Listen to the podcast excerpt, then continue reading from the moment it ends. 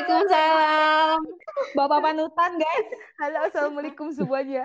Ayah kebanggaan kita semua, asik. Asik. Oh my god, terima kasih dulu dong buat Egi sama Kansa Iya. mau bersedia nih Terima kasih juga. Satu Iya, dua tiga iya, empat. sama-sama. Jadi ceritanya eh, awalnya itu eh, kemarin kita sempat bahas-bahas gitu kan. Eh kira-kira tema yang seru apa ya gitu. Sampai akhirnya gara-gara kemarin tuh entah dari eh, apa namanya entah dari posan di Instagram, Twitter lagi ngain banget nih soal nikah muda. Nah. Terus kebenarannya Mm-mm. di antara berempat semuanya kayaknya agak cupu-cupu urusan yang kayak gitu. Kita butuh seseorang yang berpengalaman. Jadi sebenarnya tuh eh, dile- agak dilema kita berempat tuh, bingung. Karena tuh gini, Hansa eh, kalau Egi mungkin kan sama istrinya tuh sempat pacaran dulu ya, sempat pacaran lama. Ini yang agak Betul. kaget tuh waktu Kansa mau nikah, karena tuh nggak ada angin, nggak ada hujan, tiba-tiba jeger Lalu aja. pengumuman depan Oh. kelas aja gitu ya. Iya lah. Eh pertama nggak sih? Kenapa? Terus Kansa tuh Perdana Eh, banget nggak sih waktu itu? Malamnya aku udah cerita ke Iya. beberapa temen, tapi terus besoknya langsung, ya udah besok bilang ke kelas ya nanti aku bantuin kayak gitu ya. Baru besoknya langsung. Terus kita semua tuh kayak nggak percaya Serius? gitu, sa kayak, hah serius nih Kansa gitu. Terus begitu begitu eh, apa nih agen perkepoan menyusuri siapa calon suaminya Kansa, jreng jreng jreng jreng, Mas Wajar. Pertanyaan kita adalah, kamu kan gak selingkungan tuh sama Mas Fajar. Gimana caranya kamu Mm-mm. tahu kalau itu adalah orang yang kamu cari? Asik. Jadi dulu ceritanya itu, aku sama Mas Fajar itu sempet deket dari Februari ya Mas ya, dari Februari sampai kira-kira dua bulan lah, kira-kira dua bulan. Nah, Mm. Cuman yang bikin cepet itu eh, orang tuanya Mas Fajar itu langsung datang ke rumah eh, untuk membahas itu. Jadi ya Hmm. ya udah karena itu jadi langs- langsung ya udahlah langsung nikah aja. Jadi sekitar sekitar totalnya lima Berapa bulan bulan tuh? dari dari aku chattingan lagi sampai ke nikah di bulan Juli sekitar lima bulanan.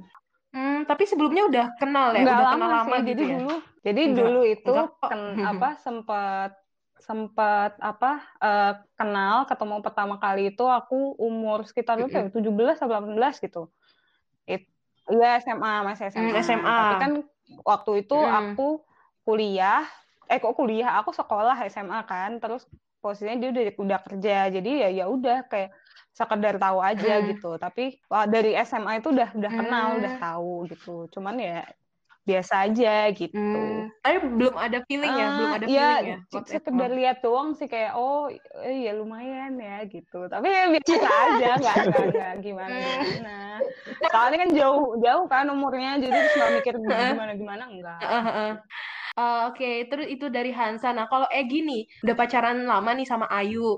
Pasti kan ya di eh, saat pacaran kan pasti ada up and down-nya gitu. Nah, gimana sih supaya kamu tuh bisa yakin kalau misalnya Ayu tuh emang the one gitu, the only one gitu buat kamu sampai akhirnya kamu yakin gitu buat nikahin Ayu. Sebenarnya nggak bukan yakin nggak, eh, cuman ngejalani aja dari awal. Mm-mm. Kan kan dari pacaran SMA tuh, dari Hmm. SMA kelas satu Mm-mm. akhir mulai kenal. Dan Mm-mm. jadi kan ceritanya dia itu kakak kelas. Nah, dari dia Oh. kakak kelas sebenarnya. Oh, kakak kelas kamu. Ah. Terus, Nah, dari kakak kelas itu diken- dikenalin sama teman. Ya udah akhirnya pertamanya ya kenalan gitu. Terus mm-mm. kenalan dua bulan langsung ya kan masa-masa muda SMA kan ya udah pacaran lah. Pacaran tapi alhamdulillah Mm-mm. nggak ada up and down yang harus marah-marahan kalau galauan kayak anak pacaran lainnya sih alhamdulillah enggak Iya, terus terus. bertahan sampai kuliah nah jadi Mm. eh, aku sama si Ai itu nikahnya itu kan nggak bilang-bilang sama kalian kan sebenarnya lebih dulu Mm-mm, Iya, ya Allah. lebih dulu aku Lebih- lebih dulu aku Oh, lebih ah, dulu. Eh, daripada iya. Kansa aku itu Oh, Januari iya, tanggal 23 kalau nggak salah Heeh, Nah, mm. nggak bilang soalnya Terus? apa kan itu nikah nggak nggak bikin acara langsung ya nikah biasa nikah langsung ke, ke awal aja nggak usah pakai acara gitu Mm-mm, mm-mm, Soalnya apa? Iya. kan dari akunya sendiri masih kuliah dan masih Heeh. apa ya kan eh, salah satu syarat wajib yang yang harus dipenuhi oleh seorang laki-laki untuk meminang wanita kan harus mempunyai istilahnya mampu mam, ma, bisa nggak buat menafkahi si wanita tersebut. Nah, gara-gara aku masih benar, kuliah benar. dan masih belum bisa menghasilkan Mm. apa-apa. Ya meskipun ada penghasilan tapi kan nggak tetap kan. Nah, itu akhirnya ya nikah, ya nikah biasa, nggak bilang-bilang. Jadi anak-anak pada shock pas udah tahu kalau aku udah nikah sama si Ayu. Iya, kaget banget. Kaget banget. Ini Banget banget ya Gavin. namanya dari jawabannya Egi, Viv, kayak ini ya tipikal pria-pria bijak au-au gitu ya. Ya enggak. Ternyata di balik itu tuh emang ya bener-bener memikirkan matang-matang gitu. Aku susah cari kata-kata yang tepat, pokoknya bijak au-au deh. Gak tahu apaan. Nih, sebenarnya tuh dari dari ceritanya, dari cerita Kanza sama Egi tuh lucu ya. Kayak Mm-mm. inti kalau dari situ tuh kita mengambil inti sari, gak usah banyak mikir. Buktinya nih Kanza lima bulan kawin. Egi, Mm-mm, bener. "Mat, kita jalanin aja guys gitu ibaratnya. Mm. Iya, Emang iya. kalian kalian tuh apa namanya se- sesantai itu apa apa emang gak ada pertimbangan atau kayak mungkin karena ya udah cinta kita jalanin aja asik. Ya Allah ini bener-bener pertanyaan apa ya? Pertanyaan kita yang gak ada gambaran ya. Tapi kita tuh kayak Bener gak ada kita gambaran ya Allah. nih. Makanya kita nanya sama kalian gitu. Oh iya, sebenarnya boleh, bukan bukan santai-santai aja. Jadi justru aku mulai panik itu setelah orang tuanya datang karena waktu itu tuh cuma dibilangin eh "Ah, boleh nggak orang tuaku datang mau kenalan gitu ya. Aku kan boleh-boleh aja ya. Ya udah boleh Mm-mm. gitu. Terus yang punya feeling itu pertama orang tuaku. Jadi orang tuaku tuh udah feeling jauh-jauh hari sebelum itu udah feeling kok ih kok Hmm. kayaknya anaknya mau diminta ya gitu loh. Aku nggak ada feeling orang aku Mm-mm. pas lagi kuliah nggak mikirin apa apa kan aku masih di Malang ya. Terus habis Iya. itu orang tuanya datang ternyata beneran ngomongin itu. Nah baru setelah itu aku baru pusing tuh gimana nih kok kok udah bentar lagi udah disuruh nikah gitu. Bukannya maksudnya aku eh, emang udah deket sama dia dua bulan. Cuman maksudnya kan pas itu belum ada pikiran, oh iya nih ini calon suamiku nih, lalala kan nggak ada ya, kayak belum ada kayak gitu kan. Nah terus habis itu, nah setelah itu aku baru, oh berarti nih aku gimana nih, maksudnya bener atau enggak, oh bener orang ini atau enggak. Terus oh keputusannya tuh bener atau enggak gitu loh. Karena pas itu posisinya juga belum banyak temen yang nikah, kan pas itu Egi juga aku nggak tahu ya kalau Egi udah nikah. Akhirnya kan Iya, iya, nggak iya. nggak Iya. banyak teman buat ngobrol gitu loh, ngobrolin soal ini gitu. Nah, Mm. Akhirnya lebih banyak ngobrolnya itu ke orang tua, ke ibu, terus habis itu ada juga ke guru SMP ku juga ada. Pas itu aku aku coba ngobrol guru SMP emang emang deket gitu loh guru BK zaman dulu. Iya, jadi Mm-mm. lebih banyak ngobrolnya kalau mereka-mereka ini karena memang teman-teman dulu belum belum paham ya gimana apa eh, sebaiknya gimana gitu loh. Nah, terus setelah ngobrol gitu, Iya, terus aku heeh. sendiri juga cari-cari cari-cari eh, informasi lah kayak oh ini bener nggak sih keputusanku Mm. gitu kan. Terus ada waktu itu ada satu Mm. satu eh, video di YouTube yang sangat eh, pas itu sa- sangat membantu lah gitu itu aku pasti juga kasih tahu ke temanku yang mau nikah jadi itu obrolannya si eh, Najwa Shihab sama Quraish Shihab itu pas itu ada satu pertanyaannya tuh kayak gini gimana taunya kalau eh, jodoh kita tuh sudah dekat? Gitu kan. Maksudnya eh, itu beneran jodoh kamu nih gitu Mm. kira-kira. Nah itu si eh, Quraish Shihab jawabnya gini ketika kamu tuh tertarik sama orang pasti kan ad- akan ada dua yang bekerja satu akal satu hati. Nah ketika kamu berpikir pakai akal kamu pasti akan ketemu aja jeleknya dia gitu loh pasti akan ada kekurangannya. Maka dari itu coba kamu Oh. tanya ke hatimu kalau misalnya hatimu itu bergerak oh serasa kayak oh kayaknya iya nih ini yang nggak bisa dijelaskan gitu loh yang yang tahu ya kamu aja gitu. Nah itu jadikanlah pembenaran untuk akalmu. Nah sesimpel itu gitu loh jadi kayak oh gitu ya gitu. Jadi nggak usah mikir aneh-aneh kayak oh ini kok dia masih Hmm. kurang ini kurang naninu naninu gitu. Aku jadi kayak ketampar gitu loh kayak oh iya yang ngapain sih aku mikirin apa eh, se seribet itu gitu loh kayak tapi kok masih kurang ini ya aku sendiri masih kayak gini gitu. Terus aku kayak oh ya udah Mm-mm. deh insya Allah kalau kayak gitu sih. Ya insya Allah aku yakinlah eh, ini orang yang tepat gitu loh. Itu pas itu aku mulai apa eh, mulai yakinnya setelah aku lihat video itu. Panjang sih sebenarnya itu videonya ada tiga part. Cuman intinya yang paling meyakinkan aku tuh waktu itu tuh yang di situ gitu loh Iya, wah keren keren keren. Berarti intinya tuh ya pada akhirnya ya harus Iya, menerima eh, gitu ya. jangan ya ya. Kak, masalah jodoh kan kita nggak bakal bisa jelasin kenapa sih kamu pilih tahu, dia heeh, gitu heeh, loh. benar. Pasti akan ada Iya. aja plus minusnya. Jadi ya lebih baik berdoa lebih baik diskusi sama orang tua gitu-gitu aja sih Oke, thank you Sa. Ya Allah banget. Nah, kalau Egi gimana Gi? Kenapa aku lang- eh, langsung memutuskan untuk menikah? Mm. Ya kan dari pertama kan ya masa harus pacaran kan ya tahu apa tahu sendiri Mm. kalau hukumnya pacaran adalah kan haram. Mm-mm. Wah, kok Mm. sedih so bijak aku. Bener kan? Bener-bener. Bapak.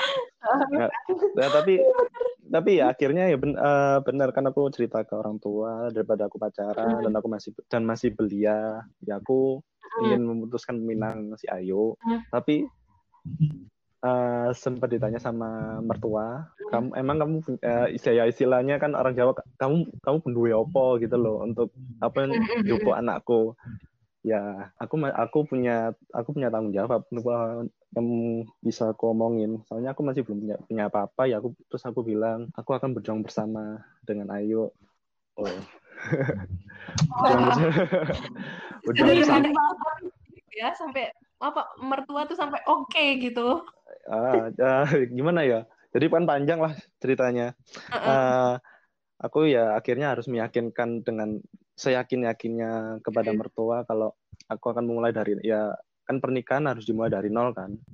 Iya benar. mulai dari nol dan berjuang bersama ya dan ya ya kayak janji lebih tepatnya ke mertua. Dan alhamdulillah ya akhirnya dengan semua omongan istilahnya omongan buaya akhirnya ya berhasil meminang si Ayu Enggak sampai berusaha kan sekarang. Iya, sampai tapi ya, berproses.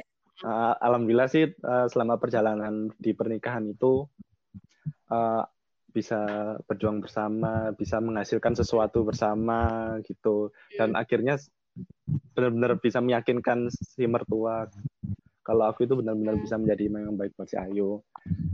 Dan aku bisa, kenapa si Ayu bisa jadi jodohku? Sebenarnya kan selain ya tadi gara-gara pacaran, kok aku yakin sama Ayu sebenarnya ya yakin nggak yakin dari kita sendiri kan bagaimana kita Iya, iya, benar. uh, apa men- menyesuaikan diri kepada pasangan jadi kita kita apa kita inginnya gini tapi pasangan seperti ini kan kita nggak bisa maksain kan harusnya dari Iya. hari kita Hmm. sendiri untuk menyesuaikan si pasangan itu Iya, iya benar-benar. Tadi relate juga ya sama Hansa. Berarti kan kalau tadi Hansa itu kan emang udah ada feeling dari, dari orang tua. Berarti kalau eh, orang tua kamu Gi eh, kaget nggak waktu kamu bilang kamu pengen nikahin Ayu gitu? kaget banget kaget soalnya apa kan ya aku masih kuliah kan masih belum punya apa-apa kok sudah berani mau nikah ya aku ngeyakinin daripada aku pacaran dan kalau ingin apa ya, intinya menak untuk masalah nafkah menafkahi kan pasti bisa bers- apa, bersama-sama mencari eh, mencari sama pasangan gitu Mm-mm. Hmm. Berarti nih kalau misalnya ya kan kalian tuh kan ya sekarang udah kehidupannya sudah apa ya berubah gitu. Ada orang lain di hidup kalian gitu. Gimana sih perbedaan ketika kalian hidup masih sendiri atau mungkin masih pacaran yang belum apa ya terikat hubungan dengan kehidupan setelah menikah? 180 derajat kali 180 derajat berubah Banget ya Gi. Gimana Gi berubahnya? banget ya dari kita yang kan mas, masih single ibaratnya ya kan ya Hmm. sebenarnya ini kan aku nyari ini Ya Allah, sakit banget. Sakit banget. Jadi eh, 180 derajat berubah dari yang kita biasanya males-malesan, pengen ini, pengen itu, minta orang tua. Yang kita minta jajan, minta uang ke orang tua. Semenjak punya istri harus kita mandiri. Mandiri dari kita sendiri dan mandiri untuk bisa menafkahi orang lain. Apalagi kan sekarang alhamdulillah udah dikaruniai dua anak nih. Jadi harus bener-bener keluar dari zona nyaman lah istilahnya. Harus bisa Iya. survive lah untuk keluarga sendiri gitu. Itu sih dari aku. Oke oke oke. Kalau dari Hansa gimana Sa? Iya sama walaupun maksudnya sekarang aku masih berdua, belum ada tanggungan anak kan ya. Cuman ya sam ya tetap berubah gitu.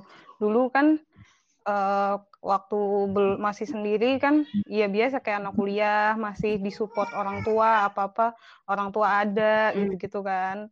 Terus nggak pernah mikirin Hmm. keputusan tuh sendiri gitu loh. Pasti akan ada orang tua yang support gitu. Nah, waktu udah eh, akhirnya menikah kan misalnya orang-orang lain biasanya cuman mikirnya oh udah jadi istri nih udah jadi suami nih gitu. Tapi mereka lupa kalau sebetulnya perannya yang baru tuh nggak cuma itu ya kita juga jadi menantu kita juga Iya. jadi mungkin kakak ipar atau adik ipar gitu loh. Jadi akan ada banyak circle baru yang harus adaptasi gitu loh. Gimana kita terus akhirnya punya orang tua lagi kan yang biasanya kita sama orang tua sendiri aja masih suka eh, ada cekcok. Terus kita akhirnya punya Iya. orang tua lagi yang harus kita hormatin juga kita rawat juga. Terus mungkin kita jadi apa kakak ipar atau adik ipar kayak gitu. Belum lagi kalau nanti jadi orang tua jadi ibu atau jadi bapak. Jadi banyak yang berubah. Te- terus juga kan aku sama Fajar kan umurnya juga lumayan jauh ya. Nah itu juga adaptasi sama circle-nya dia yang kantoran terus dia harus adaptasi sama circleku yang anak-anak kuliah yang masih main gitu-gitu loh. Jadi gapnya tuh lumayan gitu kan gapnya tuh lumayan. Jadi Hmm. kita penyesuaiannya tuh ya ya lumayan lah gitu. Aku harus eh, apa namanya aku harus memahami dia yang udah bekerja kondisinya seperti apa. Dia juga harus memaklumi aku yang masih di fase ini gitu loh. Kayak gitu. Benar-benar. Ya. Intinya ya saling memahami, Iya, saling menerima. Sumpah, Viv, aku ini podcast ini bisa gila Untuk sama diem aja. dia pesan dia tadi diem aja Bener-bener, bener-bener. speechless aku. Maksudnya lihat Egi gitu kan, yang yang aku tahu dulu zaman zamannya Penmas tuh Egi kan kayak Nah, iya. pusing-pusing garuk-garuk kepala. Jangan diinget, Re. Tapi semua ini lebih dari penmas ya, Gi ya. Lebih lebih dari. Silat bercanda-bercanda receh, receh kayak kuli-kuli kayak Jamet sama Rafli gitu kan kayak seriusnya Egi mau jadi bapak gitu. Cara ah, barusan aku denger ceritanya Egi kayak gila ya Egi setanggung jawab itu gitu loh setelah dia punya keluarga dan dan sebagainya gitu. Terus lihat Kansa yang kerjaannya kalau dulu kan gitaran nyanyi gitu. Anjay, kawin coy. Udah udah apa namanya? Udah beda lagi gitu dia harus adaptasi sama mertuanya kayak aduh garuk-garuk kepala aku sumpah. Nggak kayak oh my god gitu. Ih gila deh. Ini sebenarnya pertanyaan berikutnya tuh bukan level aku banget sih. Yang tadi aja bukan level aku banget. Apalagi pertanyaan ini nih. Kayaknya belum bisa dijawab sama Kansa. Sorry, Sa. Ada, ada. Aku punya pertanyaan nanti ke Kansa. Gi, Gi, mau nanya deh, Gi. Begitu Apa, kamu punya tuh perasaan apa yang kamu rasain sama apa ya perasaannya gimana terus ngaruhnya ke kehidupan kamu gimana? Terus ke pendewasaan dari si kamu untuk menghadapi wah aku sekarang udah jadi bapak nih aku harus gini gini gini itu gimana gitu? Soalnya menurut aku ya di umur kita yang sekarang nih punya anak terus anaknya kan lagi lucu-lucunya terus kamu harus ke sama sekolah terus cari nafkah juga iya terus bergaul sama teman-teman ngurus anak itu tuh gimana gitu loh aku nggak kalau sama aku sih nggak kebayang nggak nggak kebayang ya kamu tuh kayak apa gitu Eh, gimana ya? Kar- karena tanggungan untuk saat ini kan tanggung jawab sangat besar ya. Iya. Belum, Mm-mm. belum kuliah, belum anak, belum ya pengen kalau ibaratnya kan seumuran anak cowok seumuranku kan harus having fun gitu ya. Bukan bukan bukan bukan yang seperti itu ya maksudnya. Iya, menikmati waktu Iya. muda gitu. Ya nikmat menikmati istilahnya menikmati waktu muda. Ya ya untuk lihat aja Raf. Rafli mulu di ya, bawah tahu lah, tahu lah teman. Ih, sorry ya. Kayaknya kamu habis ini garis biasa selanjutnya. lanjut Eh, gimana gimana ya? Jadi ya mulai semenjak punya anak sudah nikah itu ya aku harus membatasi kalau ingin ber- ingin main sama teman-teman ya harus mulai kukurangin waktu-waktunya. Terus lebih fokus lagi ke mencari nafkah lah lebih tepatnya. Kan tanggungan juga banyak kan selain anak istri ya kuliah juga. Eh, sebenarnya semenjak nikah ini lebih tepatnya aku juga nanggung nanggung kuliah juga kan soal sebelumnya kan orang si orang apa orang tua kan ya tapi ya karena mungkin roda berputar lah keadaan orang tua juga pas lagi di bawah Mm. masih belum bisa membantu ya akhirnya aku harus juga ngurus biaya kuliah sendiri nyari nyari nafkah buat anak buat makan istri sendiri ya awal untuk awal awalnya sih berat berat yo bisa dikatakan berat sangat berat soalnya masih muda masih apa pemikiran ini masih ingin main-main terus tapi apa daya kenyataan di depan mata itu ya harus ada tanggung jawab keluarga kecil gitu tapi mau nggak mau ya kita uh, sebagai suami sebagai kepala keluarga itu harus apa jangan ke depan lah istilahnya ha, harus berpikir dua kali gimana cara mementingkan mementingkan uh, untuk keluarga daripada untuk diri sendiri gitu. Pikir. Eh, gila. Jadi aku punya julukan baru buat kamu. Apa? Hidden hero ini apa pahlawan yang tersembunyi. Oh. Pahlawan tuh kan nggak selalu ini kan kadang tuh orang tuh memuja-muja yang kelihatan aja padahal di depan mata aja nih. Hmm. Berani bertanggung jawab bapak yang baik, wah kurang apa lagi? Ya Allah. Cari lampir. Sebenarnya ya masih banyak kekuranganku sebagai kepala rumah tangga. Hmm, gitu keren tau. Wah gila sih, ah nggak ngerti. Udah aku speechless nggak bisa ngomong apa-apa. Nah, apa nih kalau aku mau nanya nih ke Hansa, Sa, kalau kamu misalnya nih dalam uh, mungkin ada nggak sih dorongan mungkin dari orang tua atau keluarga itu kayak misalnya uh, harus cepat punya anak atau bagaimana kayak gitu tuh. Kan biasanya kita suka denger nih biasanya uh, dorongan dari keluarga kadang ada yang nanya kapan punya anak? dan sebagainya. Kamu dapat nggak mungkin pertanyaan-pertanyaan itu? banyak dari temen. Oh. Kalau orang tua biasa aja sih. Kalau orang tua biasa aja. Terus gimana kamu? Ya ya aku paling cuman iya iya doain. Ya insya Allah gitu gitu doang ya kapan dikasih pokoknya cuman cuman titip titip ke orang tua ya doain kapan yang paling baik. Udah gitu aja sih. Kalau sampai sekarang sih ya masih enjoy berdua. Dan orang tua juga nggak nggak yang terus maksain gitu. Mm, tapi sama-sama ya? berdoa. Udah gitu doang sih. Mm berdoa. Iya ya jadi ya udah nanti uh, apa ya, iya. ya yang terbaik gitu ya. Semangat bikin. Semangat bikin. Okay, okay. itu semangat. Ya iya iya. Ya, terus aku aku mau nanya nih buat kalian kan sekarang pengen juga tadi relate juga sih sama yang pertanyaan sebelumnya tadi itu. Uh, kan sekarang kalian juga udah apa ya ya udah bukan udah menikah statusnya. Pernah nggak sih kalian kepikiran kayak seandainya masih lajang gitu tuh mungkin di saat titik apa ya terendah kalian uh, saat berumah tangga ada nggak sih kalian kepikiran kayak gitu? Hmm, ya kadang iya, kadang kadang iya tapi karena apa ya lebih lebih lihatnya tuh oh enak ya waktunya masih buat kita sendiri buat diri sendiri gitu loh. Full buat kita doang. Nggak apa nggak terbagi-bagi. Kan kalau sekarang kan uh, mungkin di ini sih di apa di kasusku kan aku kan jauh ya masih harus bolak-balik Malang Semarang. Nah, itu kan lumayan, lumayan di tenaganya, lumayan di ongkosnya juga bolak-balik. Harus dibela-belain juga. Kadang aku apa dari Semarang baru sampai Malang tuh jam 7 pagi, jam 8 udah harus kuliah kayak gitu-gitu loh kan. Jadi ada apa ya, ada yang harus dikorbanin lah gitu.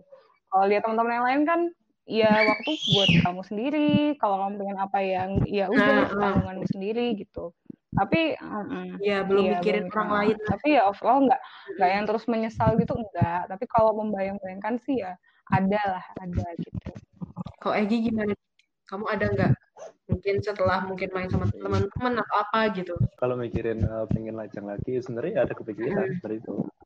Tapi kan ya ini yang udah aku jalani hmm. ini, ini kan uh, salah satu keputusan terbesar dalam hidupku ya mau nggak mau kamu uh, mau nggak mau kamu harus menjalani hmm. keputusanmu itu bagaimana kamu menerima menerima keputusan terbesarmu terus bagaimana kamu menyikapinya ya harus jalani hmm. kalau membayangkan oh enak lihat anak-anak jalan-jalan seneng-seneng ya pengen hmm. tapi kan di, de di depan mata kalian ya di depan mataku kenyataannya itu ada, an ada anak yeah. ada istri ya. Uh, rasa seperti itu cuman dibayangin aja. Tapi kalau kalau emang kepingin main-main ya mainnya sama istri sama iya yeah, benar benar iya ya prioritasnya ya udah mungkin berganti gitu. Dan pastinya iya, ada yang lebih baik. prioritasnya udah beda. Hmm. nah benar-benar aku mau nanya kan orang tuh banyak yang bilang ya setelah menikah pola pikir kalian terus kedewasaan kalian tuh bakalan berubah gitu loh. Yang tadinya bolon bolon tuh apa sih tanya kekanak-kanakan bisa jadi mandiri lah harus ngurusin suami terus yang tadinya mungkin nggak ada maunya tiba-tiba kayak sekarang harus cari nafkah buat istri kayak gitu-gitu. Pokoknya tuh nah, kalau setelah menikah tuh tingkat kedewasaan kalian tuh naik beberapa level gitu. Kalian setuju nggak sih sama itu? Iya. Setuju sih, setuju setuju. Ya sama kayak jawabanku yang tadi kan. Ya kita harus keluar dari zona nyaman. Zona nyaman kita kayak sifat kita anak kecil. Kita biasanya bangun siang, harus bangun pagi. Yang bisa kita malas-malasan harus gimana caranya untuk mencari nafkah. Nah, yang biasa kita apa ya? Apa ya? Jarang mandi harus mandi lah ibaratnya. Aduh. Jadi menurut kedewasaan itu dapetin pada saat kalian mau memutuskan mau menikah atau menikah baru kalian dapat kedewasaan itu? Hmm, aku sih baru dapat sifat kedewasaan kok ya habis nikah ini. Habis nikah ya? Habis nikah. Waktu mau pas kamu mau nikah tuh kamu nggak kebayang dong kayak akan melewati ombakan ya mungkin kalau aku nggak ngerti ya kalau setelah kamu mendapatkan kedewasaan ini setelah menikah hmm. ada di pikiran oh mungkin bakalan senang dan, dan, dan, dan. eh ternyata ada ada sisi-sisi yang yang nggak ketahuan gitu mm -hmm. yang ternyata harus bikin 180 derajat iya.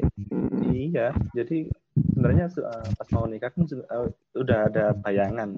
Oh aku harus gini setelah nikah. Aku harus gini aku, aku harus gini gini gini gini gini. Ternyata udah nikah ada yang lebih besar di balik bayanganku itu.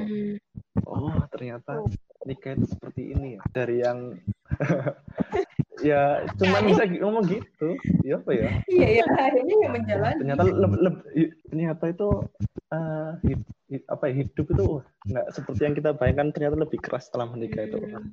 emang kan emang nikah itu keputusan terbesar sih di hidup seseorang. Iya yeah, aku yeah, sih yakin loh itu. Benar nggak sah kalau kalau eh, sama aku dulu juga nggak kebayang Udah. tuh sebelum nikah ya nggak tahu maksudnya oh ujiannya apa sih gitu nggak ngerti bakal gimana ya taunya ya ya udah nikah ya happy happy aja gitu ternyata enggak walaupun nggak ada apa-apa pun antara maksudnya antara si aku dan suamiku kan tetap beda gitu ya backgroundnya beda uh, orangnya berbeda. Jadi yang disesuaikan aja banyak gitu. Dari dia sama aku aja banyak penyesuaian banyak juga cekcoknya. Nggak nggak yang terus ya happy happy aja. Pasti ada yang aku nggak cocok dia uh, aku nggak cocok sama dia dia harus menyesuaikan. Atau dia nggak cocok sama aku aku yang nyesuaiin. Banyak lah cekcoknya gitu. Uh, terus juga belum lagi itu sama ya itu sama dulu aku dikasih tahu sama ibuku sebelum sebelum dia dari zaman dulu. Pokoknya dibilangin kalau kalau menikah itu bukan cuma antara kamu dan suamimu tapi juga antara keluargamu dan keluarga suamimu gitu. Karena pasti ujian ya datang dari mana aja entah dari anak entah dari suamimu entah dari keluarga keluarga keluarganya suamimu nggak ada yang tahu gitu ya akan ada cobaannya. Misalnya dulu sebelum menikah ya nggak nggak tahu ya taunya ya ya udah nikah. Aku cuman aku sama dia aja hidupnya gitu. Ternyata ya enggak gitu loh. Berarti melibatkan orang lain dalam kehidupan kita tuh lumayan apa ya memberikan impact besar ya. Impact besar yeah, ya yeah. ke kita ya. Ya. Alasannya saya males gitu-gituan tuh pusing mikirin anak orang. Iya. Hah, banget. Keren ya. Aku jadi mikir lagi. Ini kayaknya 2021 ya. Depan mikir-mikir. Aduh, amin yang terbaik. Iya. Doanya guys. Amin, amin. Doain kok. Kita menghela nafas dulu sebentar. Coba mencerna obrolan yang sangat berat ini. Agi, Sa, aku mau nanya, ada nggak sih pesan kalian nih dari kalian yang udah uh, menikah buat kita nih yang masih apa ya masih lajang, masih proses mencari itu apa pesan apa ya pesan kalian pesan kalian buat kita gitu? Egi, Egi dulu Egi. Iya. Aku ya uh, pesannya uh, pesan buat kalian itu kalau emang kalian masih ingin menikmati hidup, nikmatin aja hidup kalian selama masih menyandang hmm. status lajang, itu nikmatin banget. Terus kalau emang bener-bener siap untuk siap untuk menikah, ya udah nikah aja. Soalnya apa? Kalau kan Hmm. biasanya banyak nih orang mau nikah tapi Hmm. pasangan nggak cocok. Ya cocok nggak cocok itu sebenarnya Hmm. dari kitanya. Bagaimana kita menerima si pasangan itu oh ternyata nggak cocok. Tapi kan sebenarnya yang kita cari itu bukan cocok nggak cocok. Bagaimana hati kita untuk menerima ketidakcocokan tersebut kan. Seperti itu. Eh, itu apa lagi ya? Apa? Eh, udah sih Iya, itu. berarti yang nikmati Pokoknya waktu kalau, kita ya. kamu ah ya ya tuh. Oke. Oke. Kalau Hansa gimana? Sa? Ada pesan nggak buat Hmm, kita nih? Kalau Atau mungkin jangan buru-buru Hmm, dulu atau bukan gimana? bukan jangan buru-buru sih cuman eh jangan jadiin nikah tuh lomba-lombaan cepet-cepetan gitu loh kan banyak toh terus semenjak aku nikah terus kayak orang ngeliatnya kayak oh happy happy aja terus pada bilang ih mau deh kayak Kansa mau deh kayak Egi gitu-gitu padahal ya ya bisa jadi ya itu yang tadi kita omongin juga. Kadang kita ngeliat kalian juga iri gitu loh. Kadang kita ngeliat kalian oh enak ya bisa bikin gitu gitu.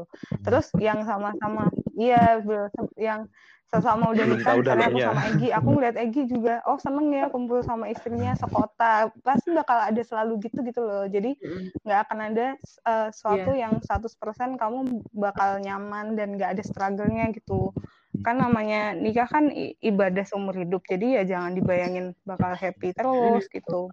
Ya kalau sedih kalau saat ini masih pengen melakukan apa hal yang buat kamu kayak tadi kata Egi mau masih mau apa namanya em, senang-senang masih masih mau nikmatin waktu kuliah kumpul sama teman-temanmu atau masih mau apa namanya ngembangin diri ya ya udah silahkan nggak ada yang buru-buru kamu nikah juga gitu loh jadi nggak usah nggak usah Mm, iya, iya, lihat benar-benar. aku lihat ya oh nikah umur gitu ya udah biasa aja gitu jalan aja Iya ya. ada garis waktunya uh, garis waktu Hmm, tiap ya, orang juga betul, beda-beda. Oke oke, thank you guys. Gimana Fir? Ya, kita cuma bisa ini aja lah, ngedoain buat Egi sama Kansa. Semoga rumah tangganya sakinah, mawaddah warahmah. Amin. Kita amin anak-anak yang soleh dan berkah hidupnya, lancar rezekinya, dilindungi benar. dari amin selalu. Amin. Amin. Barakallah. kasih juga Makasih udah banget diajak ya Allah Egi sama Kansa. Iya. Sama-sama.